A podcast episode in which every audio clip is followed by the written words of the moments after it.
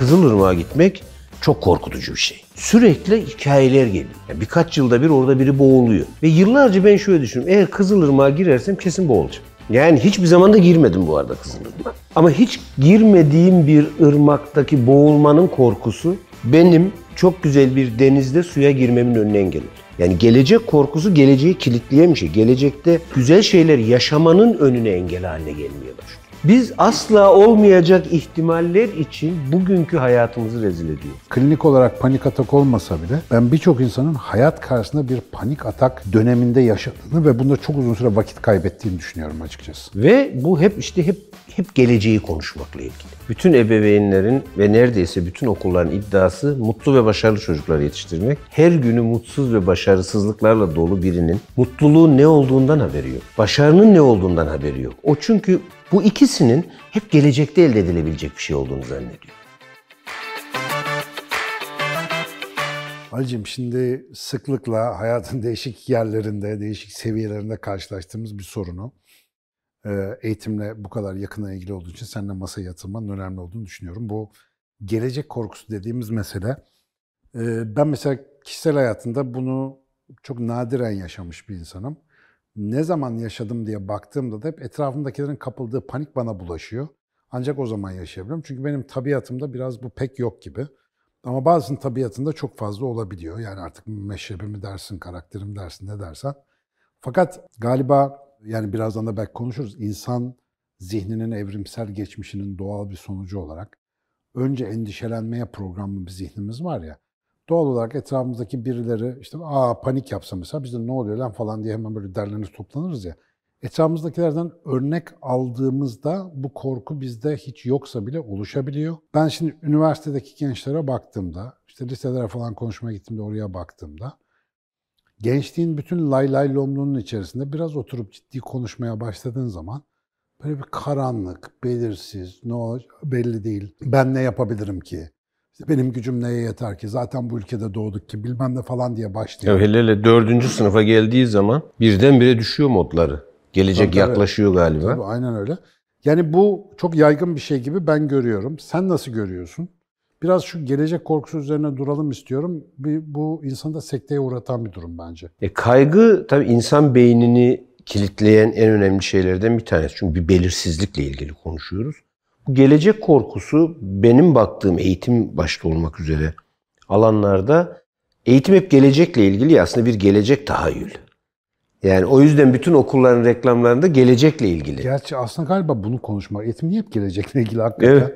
Bu da garip bir durum şimdi sen söyleyince dikkatimi çekti. Tabii. Çünkü eğitim aslında insanın, bütün canlı varlıklar neslin devamı ile ilgili bir şey. Yani neslin benden sonraki neslimin daha iyi yaşamasıyla ilgili bir kavram olduğu için eğitim gelecekle o nedenle birleşiyor. O nedenle de özel okullara, eğitimle ilgili ürün ve hizmetlere bak. Reklamda en çok kullanılan kavram gelecektir. Geleceğin bilimsel eğitimi. gelecek. Geleceğin eğitimi aslında orada çocuğumuzla ilgili bir kaygımız var geleceğe dair. Bu büyük bir kaygı. Ben hangi önlemleri alırsam gelecek bir gün geldiğinde görevimi yapmış olur. Fakat gelecek hiç yerinde durmadığı için biz hangi andaysak yeni bir gelecek var. Hangi Bir de andaysak bir şimdi şey var. Hiper belirsizliği düşün. Evet. Yani 3 ay önce bu yapay zeka uygulamalarının falan kimsenin haberi yokken şimdi bir anda gündemimize Tabii bomba şimdi gibi düştü. kaygı bizi kaygılandıracak bir şey daha geldi. Yetişkinler olarak mesleğimizi mi elimizden kaybedeceğiz? Bill Gates açıklama yapmış. 5 yıl sonra öğretmenlik mesleği ortadan kalkıyor. Hani biz öğretmenlik mesleği kadim bir meslek diyoruz. Çok uzun söylemiş Ama bence. ha öyle bir noktaya geliyor. Bu da kaygıyı yükseltiyor. İşte eğitim neslin devamı açısından geleceğe dair. Çocuk da hani biz bugünü var ama bugününe bakamıyoruz ki. Hep derdimiz gelecekte bu ne olacak? Hep böyle olduğu için eğitim bir kere gelecekle ilgili kaygı üretiyor. Ve aslında sana da devamında bir şey soracağım orada. Bu beyinde nasıl çalışıyordur diye. Şimdi aslında insan hayatı bütün bir ömrü düşündüğümüzde küçük bir modülü bir günde yaşanıyor yani. Bir günün içerisi de bütün bir ömrü aslında Aynen kapsayan bir şey. Ama biz o bir günü asla yaşayamıyoruz. Ya da ne yapıyoruz diye hiç bakmaya fırsatımız Hiç yok. bakmaya fırsatımız yok çünkü gözümüz hep gelecekte. Gözümüz hep gelecekte olduğu için de bugün bize bir eksiklik duygusu, bu an bir yaşanmamışlık duygusu getiriyor. Ebeveyn olarak da o yüzden çocuğumuzun doğduğu andan başlıyoruz. Anaokulundayken bitireceği üniversiteyi düşündüğümüz için anaokulunda geçirdiği günün bir önemi yok. Anaokulunda geçirdiği günü 20 yıl sonraki e, iş hayatında yapacağına göre dizayn etmeye çalışıyor. Anne babanın bana en çok sorduğu çocuğun beynini nasıl geliştirebilirim? Yani şu anki halinden o kadar tiksiniyorum ki bir an önce gelişsin ki Evet. bir şeye dönsün. Bu da o gelecek korkusu aslında bugüne dair, bugünü yaşamamıza dair önümüzdeki de en büyük engel. Çünkü hani stoacıların benim en sevdiğim yaklaşım o. Yani gelecekte bir şey olduğunu düşünelim. Hani biz orada olacak mıyız, olmayacak mıyız? Bunu biz değiştirebilecek miyiz, değiştiremeyecek miyiz? Örneğin ChatGPT'yi ben bir eğitimci olarak ne yapacağım? Yasaklayacak mıyım? Ortadan mı kaldıracağım? O benim dışımda orada yaşayacak. Benim hayatıma uyumlanacak mı, uyumlanmayacak mı? Benimle doğru yerde kesişecek mi, kesişmeyecek mi? Elimden gelen bu. Yani elimden gelen için kaygılansam bunu o, da, yönetiyorum. o da zaten ChatGPT ile değil, seninle ilgili. O da şey benimle yani. ilgili. Kendin de bir şey yapacaksın yani. Tam da öyle. Ve gelecekte beni kaygılandıran her neyse. Zaten bugün de ya yapıyorum ya yapmıyorum.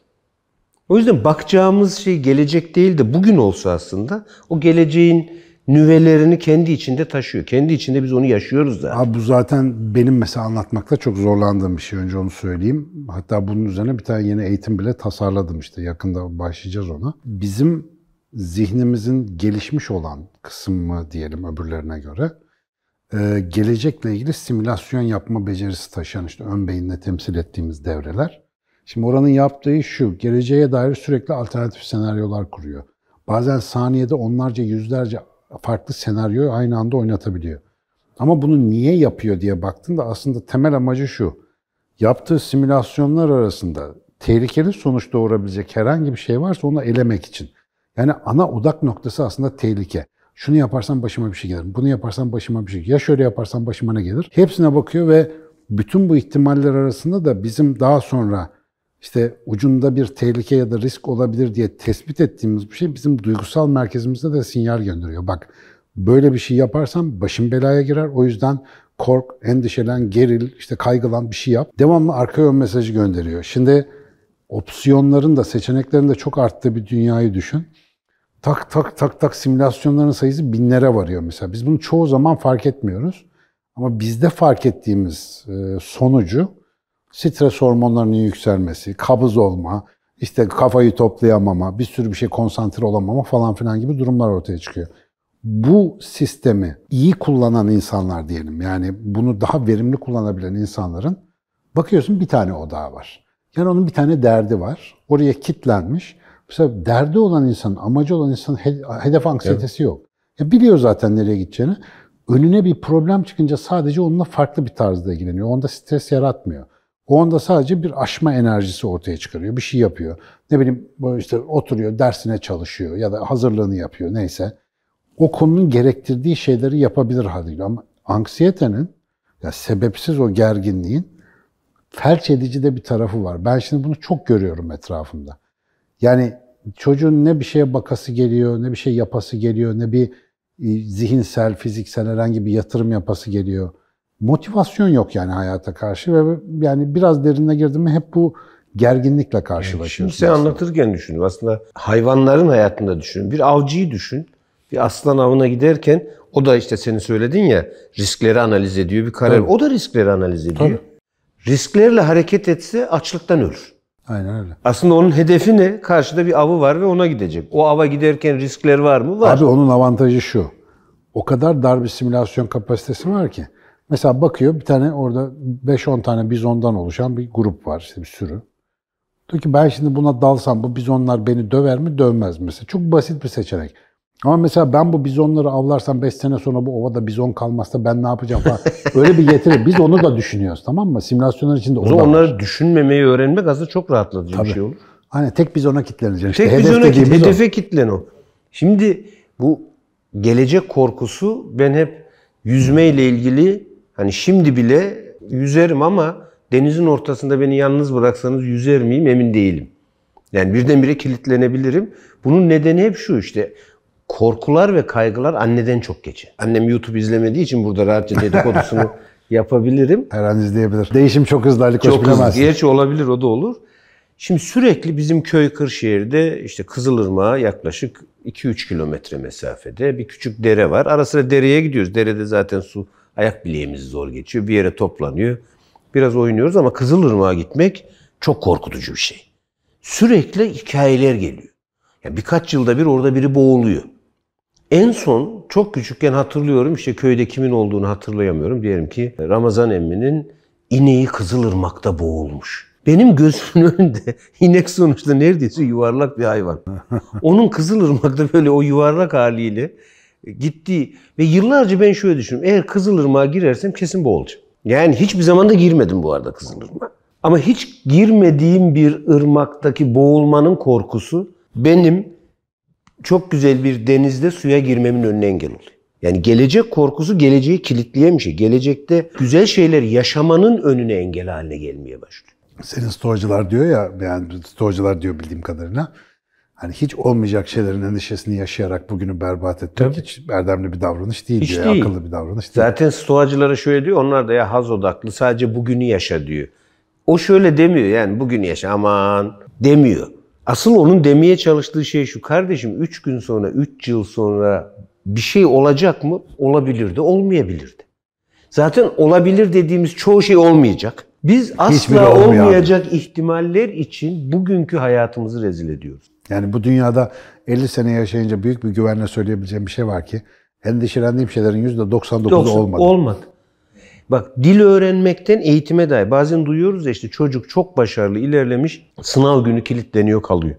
Hastaneye yetiştirilen çocuklar var. Hiçbir şey yapamayan çocuklar var. Hayatının en önemli sınavına, iş görüşmesine ya da başka bir yere girdiğinde e, yaşadığı panik atakla hayatını yönetemeyen çocuklar var. Çünkü o gelecek simülasyonunun içerisinde o kötü anı o kadar çok yaşadık. Tabii. Bir daha bir orada bir döngü vardır bu arada. Onu da hatırlatayım. Yani sadece bir konuda endişe etmekte kalmıyorsun. Endişe edeceğin bir konu yakaladığında bu duygusal sisteme mesaj veriyor. Duygusal sistem senin vücuduna sinyaller gönderiyor. Biz buna duygulanım diyoruz. Beyin bu sinyalleri algılıyor. Ulan diyor kalbim çarpmaya başladı falan. Her şey daha kötü olacak. Beyin bunun üzerine simülasyon sonucunu bir tık daha kötüleştiriyor. O seni daha beter deprese ediyor. O sinyalleri gene beyin alıyor. Bu bir pozitif döngü aslında. Panik atak bunun abartılmış versiyonu mesela. Evet. Aynı şeyin sonucunda panik atağı da çıkıyor. Zaten yıllarca bu devreler dönmeye başladığında arka planda insan haberi olmadan bu panik atak gibi şeyleri tetikleyen mevzuların da arka planında bunlar yatıyor zaten uzun süreli. O biraz vücuttaki sinyallerle ilgili bir şey. Yani mesela panik atak dediğimiz şey öleceğini zannetmeyle ilgili ya orada da vücut sinyallerinin etkisini abartmayla ilgili bir devre çalışıyor beyinde. Ama hani klinik olarak panik atak olmasa bile ben birçok insanın hayat karşısında bir panik atak döneminde yaşadığını ve bunda çok uzun süre vakit kaybettiğini düşünüyorum açıkçası. Ve bu hep işte hep hep geleceği konuşmakla ilgili. İşe başladığın gün emekliliği, anaokuluna başladığın gün üniversite sınavını. Düşünerek bir hayat yaşıyorsun ve galiba orada bu kaygı gittikçe niye büyüyor? Anaokuluna başladı. Anaokuluna gittik dedik ki üniversiteye iyi hazırlıyor musunuz? O dedi ki ya daha anaokulunda. Yani o 12 yıl sonra mezun olduğunda ne olacağını şu anda ölçmek biraz zor sanki. Şimdi çocuk devam etti. 1, 2, 3. Biz hala gözümüz şeyden onun kazanamadığı sınavda, gidemediği yurt dışındaki üniversitede. Bugününü görmüyoruz. İşin kötüsü 6, 7, 8 yaklaşmaya başladı. Gelecek gittikçe yaklaşmaya başladı. Yapmadığımız şeylerin sayısı artmaya başladı. O yüzden de işte ortaokulda bir dağılıyor çocuklar. En çok dağıldıkları birkaç şey var. Çünkü o korkulan gelecek. Bize yıllardır ebeveynlerimizin gözü ya bunun da matematiğe kafası basmıyor. Kesin yapamayacak. Korkuları, kaygıları bize zaten transfer oldu. Sonra da bu kadar yaklaştığımıza göre bu kesin olmayacak durumuna gittik. Aslında hayatı o bir günü de bütün hayatın bir simülasyonu gibi görmeye başlasak o gün içinde de başardıklarımız var, başaramadıklarımız Peki böyle eğitim var. olur mu? Yani güne bakarak, ana bakarak, Evet. geleceği yani dikkate almayarak demeyin de geleceğe dikkate alacaksın ama öncelikli mesele yapmadan şimdi şu anda bir eğitim mesela mümkün mü? Tabii ki. Sistem Zaten olarak. Sistem olarak da mümkün. Aslında eğitim öyle dizayn ediliyor. Yani bir büyük bir müfredat tasarımı var ama onun içerisinde gün tasarımı da var. Şimdi günü düşün. Şöyle düşünelim. Bir eğitim, 12 yıllık eğitimi düşünelim. 12 yılın sonunda biz ne diyoruz? Gireceği bir üst öğrenime hazırlık sınavında başarılı olacak. Yaşıyla ilgili sorumluluklarını yerine getirecek. Efendim üniversiteyi de dahil edersek buna o dönem geçerli bir işe girecek gibi gibi bir şey koyalım. Bunlar 12 yılın finali. Güne indirelim bunu. Yine evden çıkacak. Başardığı sınavlar olacak, başaramadığı sınavlar olacak. Yaşına uygun yerine getireceği sorumluluklar olacak, getirmediği sorumluluklar olacak. Şimdi hepsi aslında bir günün içerisinde bir simülasyon yaşar. Okul aslında bunu yapabilir. Okulların elinden de bu yeteneği alıyoruz. Yani senin ikinci sınıfın 8. gününde ne yaptığın benim için önemli değil diyor sistem. 12. sınıfın son gününde sınavda bunun bir faydası olacak mı? Şimdi bunun bir faydası olacak mı'nın o gün zaten faydası var. Şöyle düşün. İkinci sınıftasınız. O gün matematikle ilgili üzerinize düşen bir sorumluluk var. O gün üzerine düşen sorumlulukla ilgili günlük geri bildirim verirsem sen bir soruyu yapamadın. Ben de döndüm dedim ki bu soruyu yapamadın. Şu nedenle yapamamış olabilirsin dedim. Anlık geri bildirimlerini verdim. Sen yeniden başardın. Şöyle. Evet birinci gün sorumluluklarımı yerine getirdim. Öğrenebildiklerim var, öğrenemediklerim var dedin. Şimdi günün özetini aldın. Şimdi ertesi gün sana küçük küçük parçalarla düzeltme şansı veriyorum aslında. Ve bir yapabilmiş olma hissiyatı Hissi. biriktiriyorsun. Asıl mesele o. Zaman diyorsun ki ya bir dakika. Ben bugüne matematiği öğrenemem diye başlamıştım. Matematikte şunu öğrendim. Artık öğrendim diyebilmişsek zaten öğrenmenin öndeki en büyük engel öğrenememeye dair kanaatlerimiz. Vay Ben bunu öğrenemem. Abi bak seneler sonra düşünce beni akademisyen yapan hikayeler böyle hikayeler biliyor musun? Aha anladım yalan dedikten sonra mesela üniversitede ilk o fizyoloji dersimi aldıktan sonra ne anlattığını anlamamıştım ama dedim mevzu bu yani. Tabii. Benim buradan gitmem lazım. Bu. O yüzden hayatı daha küçük parçalara, daha küçük anlara bölebilirsek eğitim açısından da böyle. Bana göre kişisel yaşamlarımız açısından da böyle. Ben bugünü nasıl bitirdim? Vay arkadaş. Yani bu mesela kişisel düzeyde benim sıklıkla yapmaya çalıştığım bir şey ama öbür taraftan da mesela eğitimde, üniversite eğitim de dahil buna. Aslında olması gereken bu. Evet. Yani doğal olanı bu. Fakat bizim gerçekten o işte ehlileştirilmemiş zihinlerimiz, ehlileştirmemiz gereken zihinlerimiz diyeyim daha doğrusu. Bizi raydan çıkaran kısım orası yani. Aslında bu baya baya bir zihin eğitimi. Zihin eğitimi. Senin galiba, yani ben çok hakim değilim bu stoğacılık meselesine ama bu arada internetten bana da sen stoğacı mısın falan diye yazıyorlar. Hani sonra baktım bana öyle dedikleri için bayağı benim de kafam uyuyormuş. Yani herhalde stoğacı Çok. olabilirim. Sen bu arada o tarihlerde yaşamış olsaydın Direkt Marcus diyorsun. Aurelius'la birlikte o zaman ekibi genişletirdik biraz. Ama yani kafa güzel gözüküyor bana Çok. hani bakınca. Yani özellikle bu anda yaptıklarının sorumluluğunu almak, orada kalmak, ne bileyim işte geleceği şu andaki hareketlerinin dizayn ettiğini fark etmek, hayatta başına gelen her şeyin senin seçimlerinle alakalı olduğunu görmek falan filan gibi.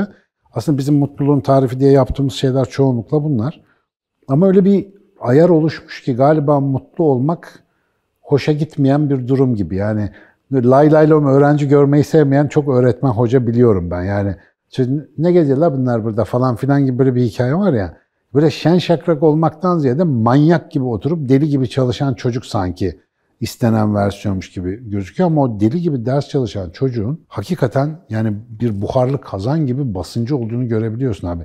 Fizyolojik olarak çocuk mesela at gibi koşuyor aslında o sırada. Onu yapan da tamamen bu stres devredir aslında. Çocuk bir şeye hazırlanıyor yarın için. O için o gün için hiçbir şey yok. Ben birkaç kere benim çocukları sevgili Metehan Bey hatırlar.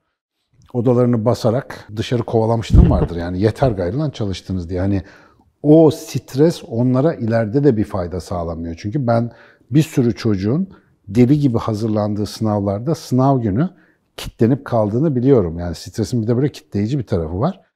Ben mesela üniversite sınavını kazandıysam büyük mertebe herhalde rahatlığımla kazandım. Yani hiç mevzudan da haberim yoktu. Neredeyse günü ıskalıyordum falan. O derece gevşeyim.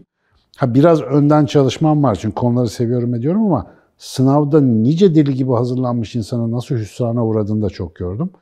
Biraz da hayatta galiba o gün içerisindeki performansın uzun vadeli şeyi yansıtması, senin performansını göstermesi aslında böyle kritik dönemlerde ne yapacağını da öngörebilmeni sağlıyor. Bugünden aşırı stres oluyorsan o gün çok O büyük gün performans bekleme. Yani bu da muhtemelen bizim hep eğitimde gördüğümüz tırnak içindeki başarısızlığın en büyük sebebi herhalde. En- ve şöyle düşün. Bütün ebeveynlerin ve neredeyse bütün okulların iddiası mutlu ve başarılı çocuklar yetiştirmek. Her günü mutsuz ve başarısızlıklarla dolu birinin Tabii. mutluluğun ne olduğundan haberi yok. Başarının ne olduğundan haberi yok. O çünkü Bu ikisinin hep gelecekte elde edilebilecek bir şey olduğunu zannediyor. Yazık ya. Ulan böyle bakınca çok kötü be abi. Ben de üzüldüm ya. Bırakalım şu işi. Eğitim yasaklansın.